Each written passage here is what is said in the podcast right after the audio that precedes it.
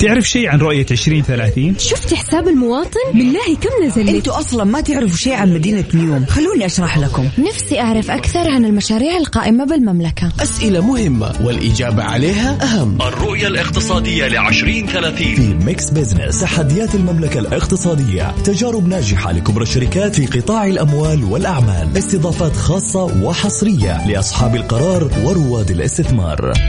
الآن ميكس بزنس مع جمال بنون وعبد العزيز عبد اللطيف على ميكس اف ام هي كلها في الميكس.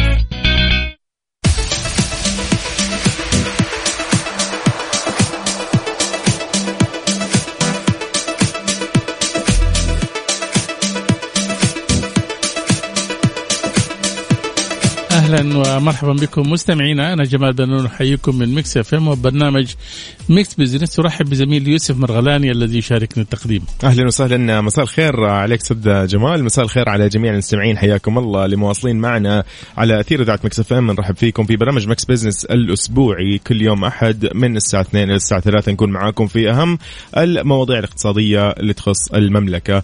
أستاذ جمال مساء الخير.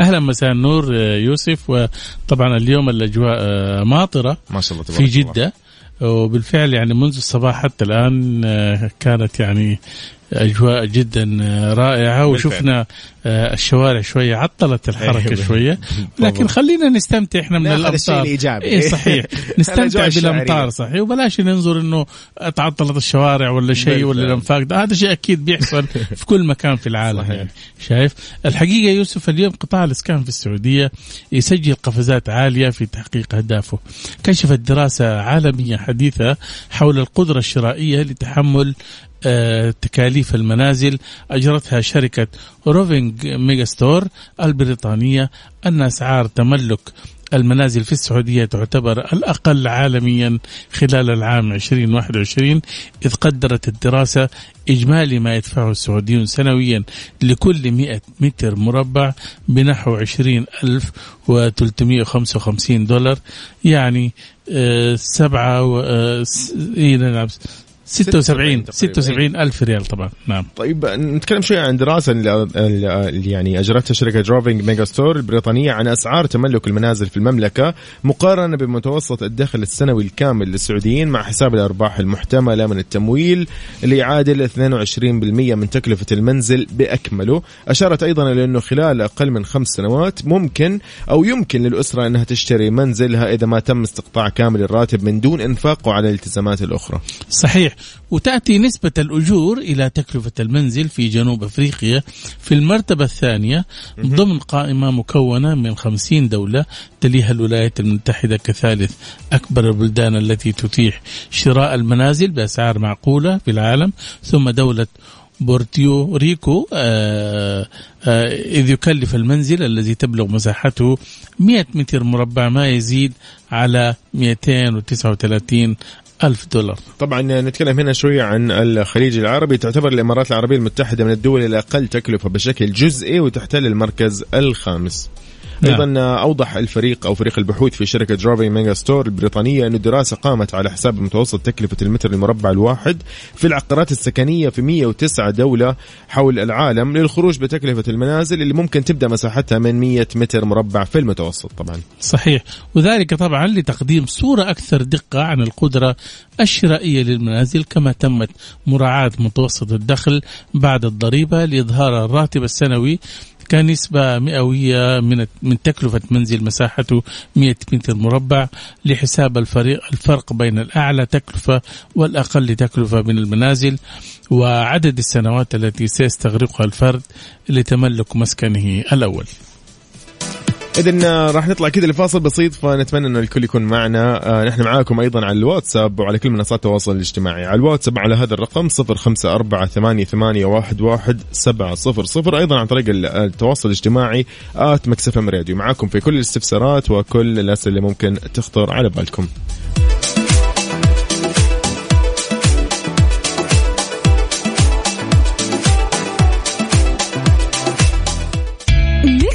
بزنس مع جمال بنون وعبد العزيز عبد اللطيف على ميكس أف أم. هي كلها في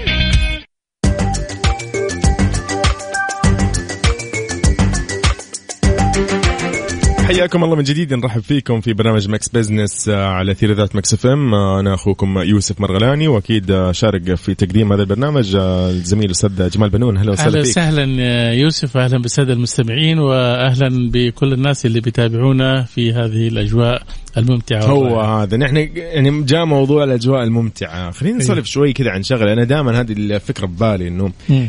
زي اليوم امانه أهلي قالوا ودنا نخرج كذا طيب. من الأجواء لطيفة وطيبة. وين نروح؟ وين نجي؟ قلت لهم لا يا أخي بتروحوا بيت سيارة؟ السيارة مرتفعة السياره منخفضة الوضع كيف؟ الشوارع فيها موية وأنتم عارفين الوضع.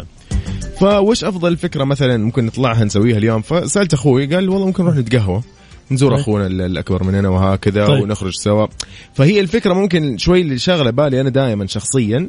إنه والله الشوارع تكون مثلا فيها موية فأنا فين ممكن أروح؟ وين صح. أجي؟ فهذا السؤال دائما في بالنا. وين ممكن نروح أستاذ جمال يعني في الحالة هذه؟ يعني خلينا نسال بعض هذا السؤال. صحيح. شوف أنا أقول لك حاجة.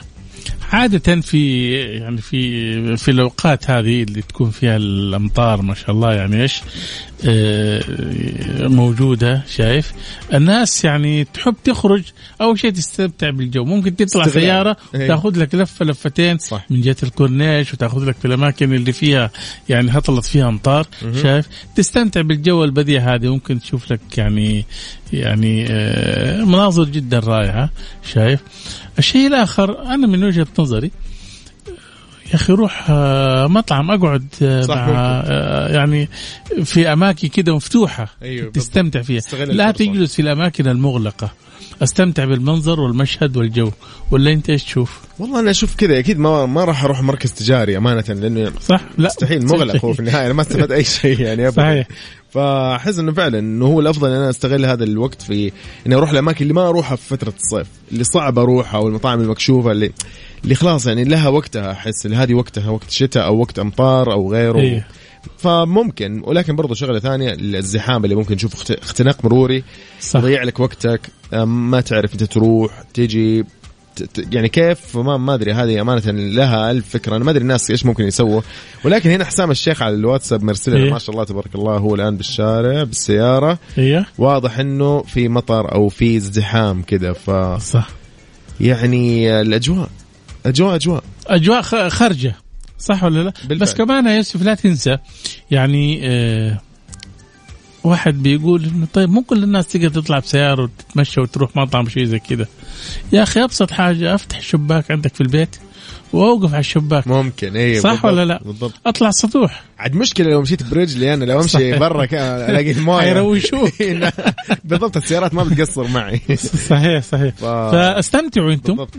آه، اليوم يعني آه، في الأجواء الماطرة هذه استمتعوا استخدموا كل الأدوات اللي تخليكم تستمتعوا. آه، أعمل لك أكل على ال- في الحديقة حقت المنزل. ممكن في السطوح تعمل لك جلسة. بالضبط. شايف؟ أو اقعد أنت وأصحابك في كافيه مثلا.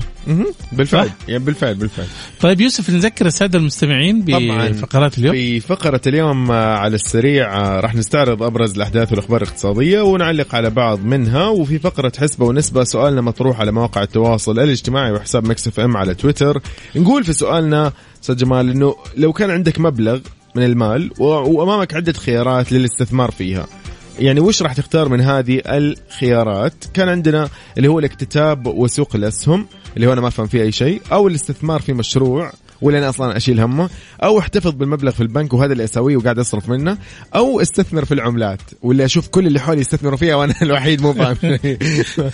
أربع خيارات أنا خارج نطاقها هو ربما يكونوا ناس كثير الحقيقة زيك يوسف بالفعل يعني عارف إنه آه الان يعني أصبحت الخيارات صعبة. ليش؟ لأنه الناس بتدور على ال- الكسب السريع. الربح السريع والسهل. يبغى يجمع فلوس بين يوم وليلة ولهذا السبب آه في كثير من الناس بيروحوا ضحايا للاحتيال. بالفعل. آه بيجيك واحد يقول لك ادينا 4000 في اليوم أنا بعد أسبوعين ارجع لك هي 20000 واللي إيش في- فبالتالي أيوه.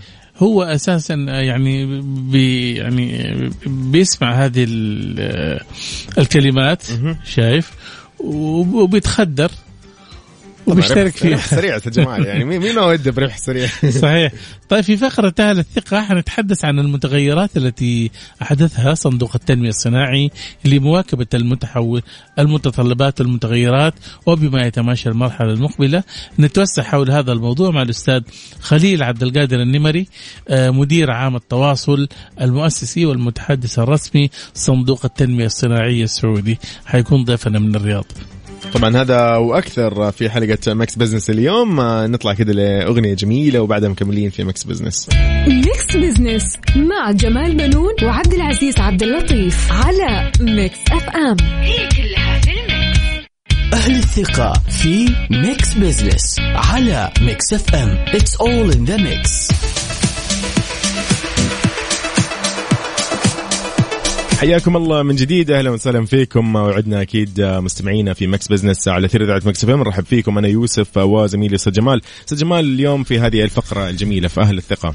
نعم صحيح. اليوم ال- العنوان اللي إحنا بنتكلم فيه آه، بنتكلم عن الصندوق الصناعي. طبعا مر بعدة تحولات. منذ تأسيسه والتي تزيد والتي تزيد عن أربع عقود طبعا إلى أن أن- آه، التحول الأخير المؤسسي كانت آه، تجربة قاسية يعني على البعض وممكن. وربما كان سينحرف مسار الصندوق الس- آه، يعني الصندوق استطاع باحترافية عالية إنه يضبط مساره نحو متطلبات المرحلة بما يتماشى طبعا مع رؤية السعودية 2030 ونتحول آه، ونتحدث حول هذا الموضوع مع الأستاذ خليل عبد القادر النمري آه، مدير عام التواصل المؤسسي والمتحدث الرسمي في صندوق التنمية الصناعية متحدثا من الرياض. مرحبا بك أستاذ خليل في Mix Business الله يحييك يبقيك مساكم الله بالخير أستاذ جمال وأخي يوسف وأحيي المستمعين الكرام شاكر مقدر الإستضافة. مساك الله بالنور يا أهلا وسهلا فيك. أهلا وسهلا. طيب خليني أسألك كبداية أستاذ آه، خليل أهم التحولات في تاريخ صندوق التنمية الصناعية. شاكر مقدر السؤال. طبعا شهد الصندوق آه، عدة تحولات حقيقة منذ تأسيسه قبل 48 عاما. فبدأ الصندوق بأمر ملكي من جلالة الملك فيصل عام 74 ميلادي برأس مال بلغ 500 مليون ريال. وطبعا رأس المال زاد مع الوقت. ومع رؤية المملكة 2030 بالتحديد كان للصندوق دور استراتيجي مهم في تحقيق أهداف الرؤية بكونه بطبيعة الحال اليوم الممكن المالي الرئيسي لبرنامج تطوير الصناعة الوطنية والخدمات اللوجستية والمعروف ببرنامج ندلب. فمع مع هذا الدور في البرنامج كان للصندوق أربع مبادرات رئيسية طبعا مثل ما ذكرت قبل شوي زيادة في رأس المال حيث رفع رأس المال رفع رأس المال إلى 105 مليار ريال وتم تعديل النظام الأساسي للصندوق في عام 2019 بهدف توسيع قاعدة العملاء ليشمل جميع قطاعات البرنامج فتوسع النطاق ليشمل قطاع الطاقة والتعدين والخدمات اللوجستية بالإضافة بطبيعه الحال إلى قطاع الصناعة. أطلقنا أيضا أكاديمية الصندوق الصناعي وعملنا مع عدد من الجهات الحكومية لتطوير آلية تمويل وتوقيع اتفاقية لتمويل المصانع النموذجية. مهم. جميل عظيم ف... أي فمنذ إطلاق الرؤية يعني ودي بس أعرج على عدد من الأرقام الرئيسية آه، منذ إطلاق الرؤية اعتمد الصندوق آه، أكثر من 8 800 قرض بقيمة بلغت 67 مليار ريال. 40% منها للمناطق الواعدة والنامية. ال 800 قرض دولار كان في هذه السنة ولا من قبل يعني؟ منذ إطلاق الرؤية يعني على تقريبا قبل خمس سنوات تقريبا اعتمدنا أكثر من آه، 837 قرض. أما بالنسبة لي منذ تأسيس الصندوق آه، فاعتمدنا أكثر من 4000 قرض آه، وذلك حتى نهاية الربع الثاني من العام الجاري.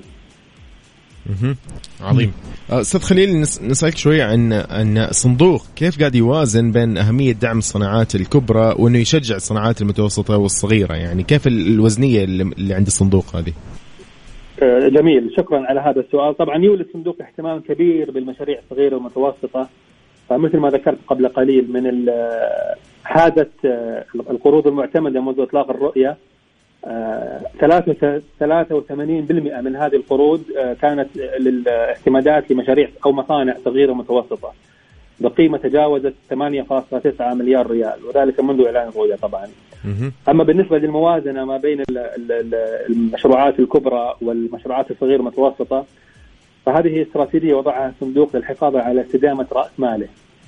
فمن خلال اعتماد قروض لمصانع آه، كبيرة آه، أو مشروعات كبيرة فالمبالغ المسددة من هذه القروض يعاد استخدامها لتمويل مشروعات صناعية أخرى وتشمل طبعا هذه المشروعات مشروعات أو مصانع صغيرة متوسطة ويعتبر هذا النهج النهج في تدوير رأس المال عامل مساعد في تحقيق أهداف الصندوق المالية والتنموية وال ولاستدامه الصندوق ماليا دون الحاجة إلى طلبات أو اعتمادات إضافية لرأس المال. عظيم.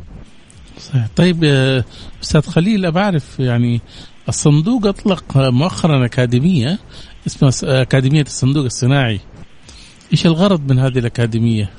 وإيش حققت منذ انطلاقتها آه، في عام 2019 صحيح آه، طبعا الصندوق الصناعي منذ أن تأسس قبل 48 عاما آه، وكان يولي اهتماما كبيرا كبيرا لتطوير الكوادر البشرية. فالصندوق يمكن المتميز بطريقة تأسيسه أنه تؤسس من قبل بنك تشيس منهاتن في نيويورك.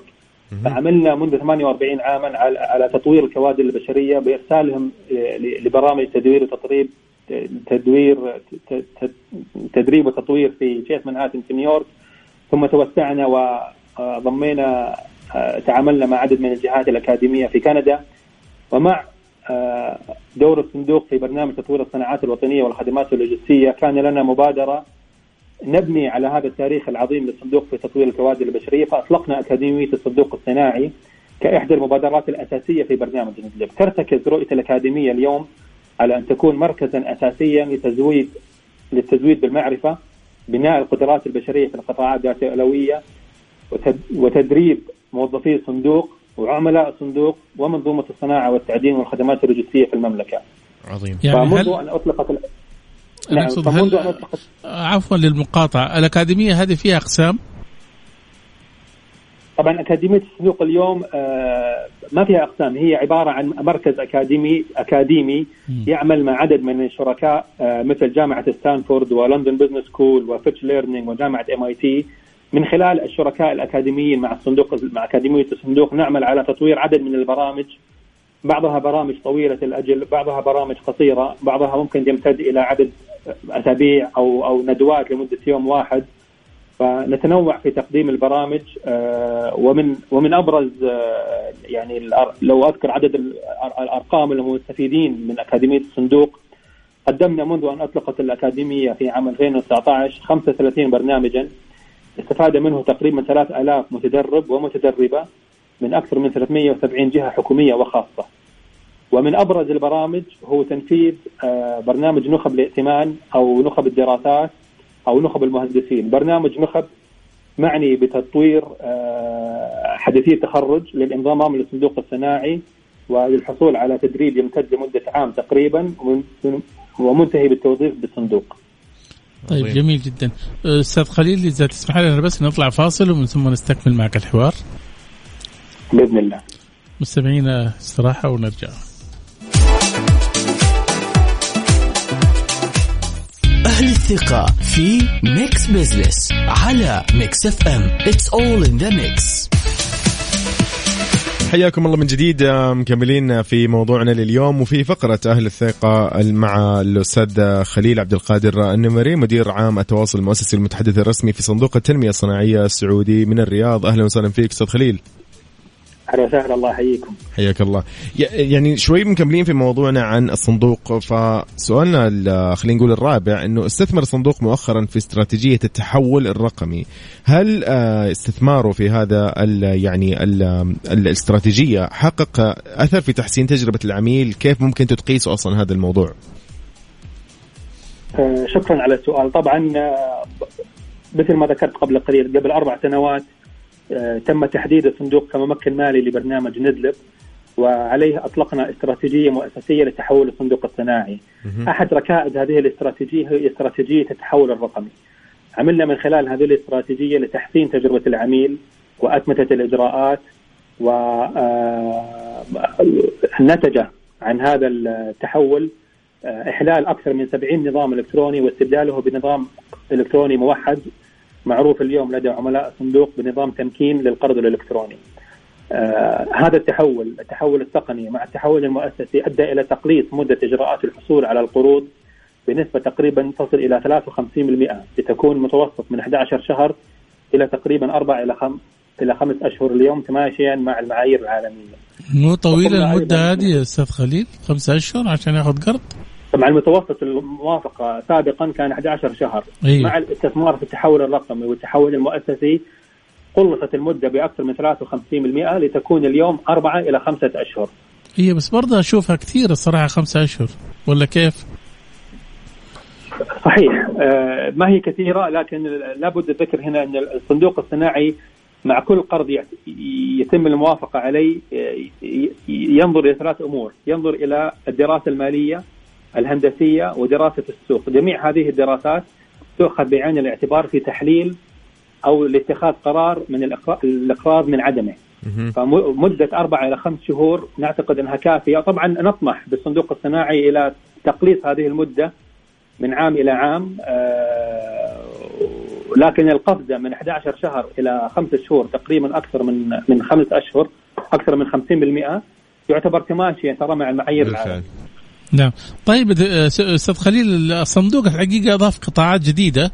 أه، أهمية هذه القطاعات أنت تشوفها كيف؟ صحيح. يعتبر أبرز تغيير خاضه الصندوق الصناعي خلال السنوات الأخيرة هو امتداد دعمه إلى قطاعات جديدة وهي قطاع التعدين والطاقة والخدمات اللوجستية إضافة طبعا إلى قطاع الصناعة. ونهدف في الصندوق إلى تنفيذ برنامج الرؤية الساعي تو- تطوير الاقتصاد الوطني ولتصبح المملكة قوة صناعية ومركزا لوجستيا عالميا. فجميع القطاعات الأربعة الصناعة والتعدين والطاقة والخدمات اللوجستية هي أربع ركائز في برنامج ندلب وكل منها لها استراتيجية وطنية مختصة ومعنية بها. فعلى سبيل المثال لو تتذكرون قبل عدة أسابيع أطلق معالي وزير النقل الاستراتيجية الوطنية للنقل والخدمات اللوجستية. آه، فجميع هذه الاستراتيجيات من خلالها يعمل الصندوق على وضع أدوات ومنتجات وبرامج لتحفيز الاستثمار بها من خلال القطاع الخاص. لو لو ناخذ على سبيل المثال تمويل القطاع اللوجستي.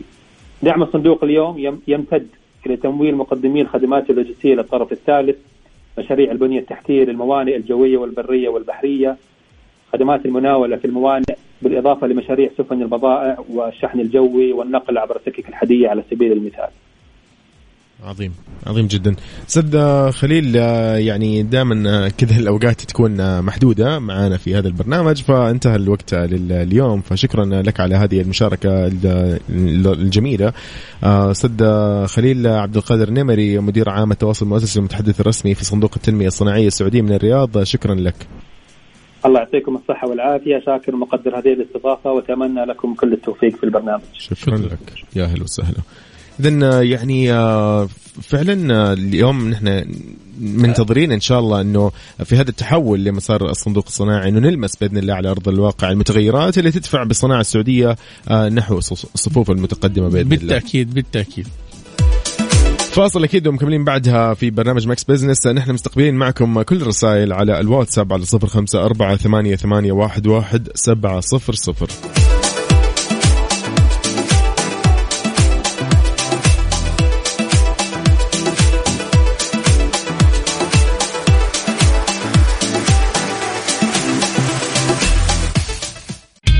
السريع في Mix Business على Mix FM it's all in the mix حياكم الله من جديد نرحب فيكم في برنامج Mix Business على أثير إذاعة Mix FM في فقرة على السريع اليوم أستاذ جمال عندنا يعني بعض المواضيع اللي حابين نعم. نسولف عنها. في أول يعني فقرة خلينا نسميها أو أول يعني خبر, خبر. خبر. طرح المشتريات الحكومية بأسعار عادلة لا تزيد عن السوق. نعم. طبعا الخبر يقول تعكف وزارة المالية حاليا على مشروع تطويري لنظام المنافسات والمشتريات الحكومية يتضمن طرح الأعمال والمشتريات والتعاقد في حدود الاحتياجات الفعلية للجهة الحكومية وبأسعار عادلة لا تزيد عن الأسعار السائدة في السوق وأن تكون الأولوية في التعامل للمنشآت الصغيرة والمتوسطة المحلية وللمحتوى المحلي وللشركات المدرجة في السوق المالية طبعا. طبعا جميل. ويهدف هذا لتنظيم الإجراءات ذات بالاعمال والمشتريات ومنع استغلال النفوذ وحماية المال العام وتوفير معاملة عادلة للمتنافسين تحقيق لمبدأ تكافؤ الفرص وضمان الشفافية. جميل. صحيح. عنواننا الأخير آه، يوسف في قائمة على السريع. أرباح آه، أرباح الشركات في سوق الأسهم تقفز إلى 152 مليار ريال. اللهم زيد وبارك طبعا. الشركات حققت أرباح كويسة. طبعا سجلت الشركات المدرجة بسوق ال- سوق الأسهم. طبعا 152 مليار ريال ارباحا في الربع الثالث مقابل 64 مليار في الربع الثالث من العام الماضي. شوف كانت كورونا. 64 العام الماضي. أثر كورونا مو معقول. بالفعل كانت بالفعل يعني آه، منها شفنا إحنا النتائج آه، للأسف الشديد السلبية آه، في في في يعني في شركات قفلت صرحت آه، موظفين في مؤسسات يعني صرحت موظفينها وفي مؤسسات ما هي قادرة تدفع يعني مرتبات لموظفينها وبالتالي ليش؟ لأنه تعطلت عمليات الإمداد وسلسلة الإنتاج بالفعل. وكل هذه طبعا آه، في ظل تراجع تداعيات كورونا وأرباح قياسية للشركات الكبرى بقيادة أرامكو وقفزت الأرباح المجمعة نحو 136% وانتهت الخميس الماضي المهلة النظامية الممنوحة للشركات المدرجة للإفصاح عن نتائجها المالية للربع الثالث والتي بدأت في الأول من أكتوبر. طبعا أعلنت 174 شركة عن نتائجها المالية للربع الثالث من إجمالي 177 تنتهي سنتها المالية بنهاية ديسمبر وما تمكنت ثلاث شركات من نشر نتائجها المالية وهي طبعا ثمار وفاء للتأمين والصقر للتأمين وكان للشركات الكبرى نصيب الأسد من الأرباح بقيادة أرامكو بالتأكيد حيث أنها اقتنصت نحو ال 94% من الأرباح المجمعة وسجلت أعلى 10 شركات صافي ربح بلغ نحو 142 مليار و600 مليون. ما شاء الله. طبعا صحيح. يعني خلينا يعني أسولف يعني. إيه ما شاء الله. جميل. عظيم عظيم. الله يبارك لهم. إيه اللهم آمين. طيب عقبال إن شاء الله أنا أفتح شركتي وأدخل في السوق المالية. ادرجها في السوق المالية. حكتتب عندك. خلاص تمام. أول الداعمين. جميل طيب. جدا في فقرتنا الجاية أكيد نحن معاكم نعم. في آه، اللي هو الفقرة الجميلة حسبة حسبه ونسبه نحن منتظرينكم في سؤالنا سؤالنا يقول موجود على وسائل التواصل الاجتماعي على تويتر يقول لك السؤال إنه لو لديك مبلغ من المال وأمامك عدة خيارات للاستثمار فيها وش آه، منهم راح تختار؟ الاكتتاب وسوق الأسهم أم الاستثمار في مشروع أم إنك تحتفظ بالمبلغ في البنك تسوي يعني زي أنا أو تستثمر في العملات. نشوف النتائج بعد الفاصل. طبعا. بالتأكيد.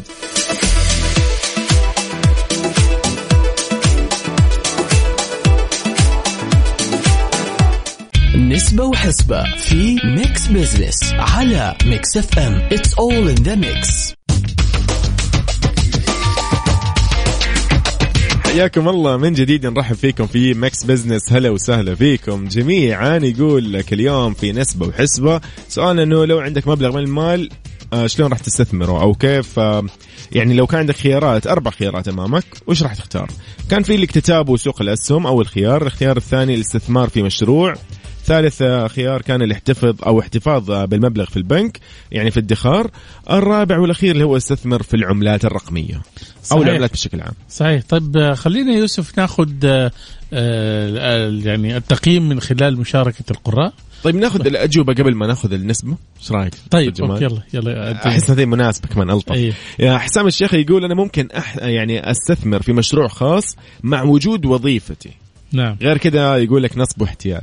يخاف من النصب والاحتيال. هو شكله تعرض للنصب والاحتيال ممكن. فعشان كذا. للأسف كثير. آه نقول لصديقنا آخر آخر رقم 9636 يقول العملات. وكذا معطيني يعني آه، حماس تجاهها الظاهر إنه هو ما شاء الله يعني في أرباح من وراها. يجوز هو فاهم فيها يعني أيوة، عارف؟ صح. يعني الواحد ما يدخل في مجال استثماري اللي هو فاهمه ما شاء الله. بالضبط. أبو عبد العزيز الكثيري من المدينة المنورة يقول آه، الصراحه أستثمر في الذهب والعملات القوية مثل اليورو والين الياباني.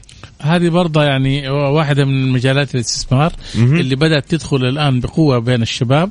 أول كانت موجودة عند الكبار بالضبط. اللي في السن. لكن الآن بدأوا الشباب يدخلوها لأنه آه واضح أنه أصبحت يعني بتحقق دخل كويس. بالفعل. والناس كمان بتدخل بمبالغ بسيطة في البداية. وبعدين يعني إذا كبر أيوه المشروع بالضبط. يدخل يعني.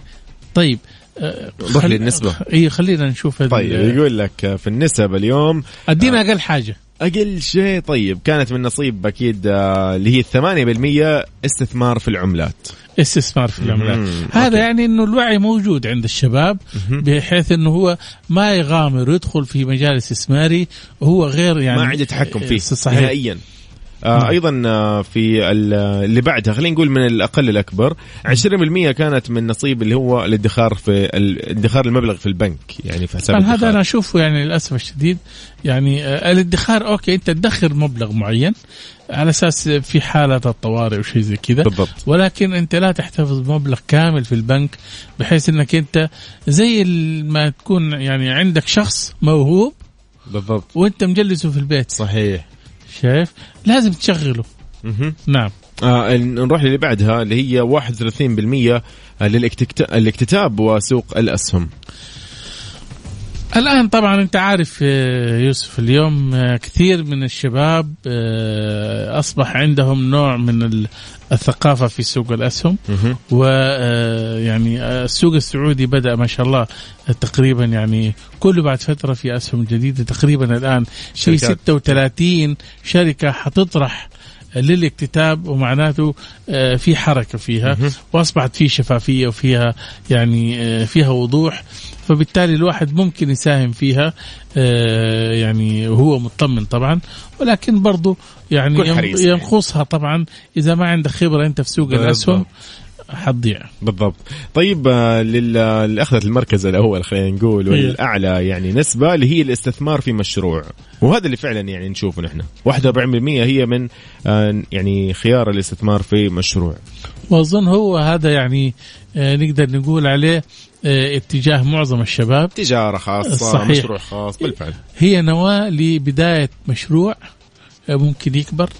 وممكن الآن يعني أنت عارف ظروف التمويل الآن أصبحت ميسرة أنت لو نجحت في مشروع صغير تلاقي كل الشركات ممكن البنك يمولك بالفعل. ممكن المؤسسات التمويلية تمولك وغير مشروط أحيانا يكون صح بالفعل. ولا لا بالفعل. وبالتالي يعني أنت أمامك الخيارات متعددة للحصول على تمويل في حال إنه مشروعك كان ناجح طبعا بالفعل خلينا يوسف يعني آه، شوف عادة آه، يعني خبراء في في في هذا المجال لهم آراء مختلفة طبعا. آه، دائما يقولوا إنه إيش؟ يعني آه، الأرباح يعني دائما تأتي من- استثمار الأموال. وليس من أي شيء آخر طبعا كتوفير الأموال أو إنك أنت تأخذ الفلوس وتحفظها في البيت. هذه طبعا ما لها أي قيمة. إذا ما تستثمرها صح الأموال هذه اللي موجودة عندك في البيت. ما. ما لها أي نتيجة فمن بين النصائح مثلا آه، اللي يقولوها طبعا خبراء إدارة المال طبعا. يقول لك أول شيء سدد ديونك إذا كنت بتبدأ مشروع سدد ديونك وبعدين أبدأ أي مشروع بالفعل. أنت تبغى تبدأ فيه طبعا. أيضا آه، من ال- يعني الأمور اللي ينصحوا فيها إنك أنت تشتري في وقت ما يشتري فيه أحد غيرك. يعني لو كان في ركود خلينا نقول في سوق العقارات ممكن تشتري عقار وتربح منه بعد بعد فترة أو يعني أمور كثيرة ممكن أنت تعتمدها في هذه الفكرة. أيضا آه، الاستثمار في الوقت المناسب.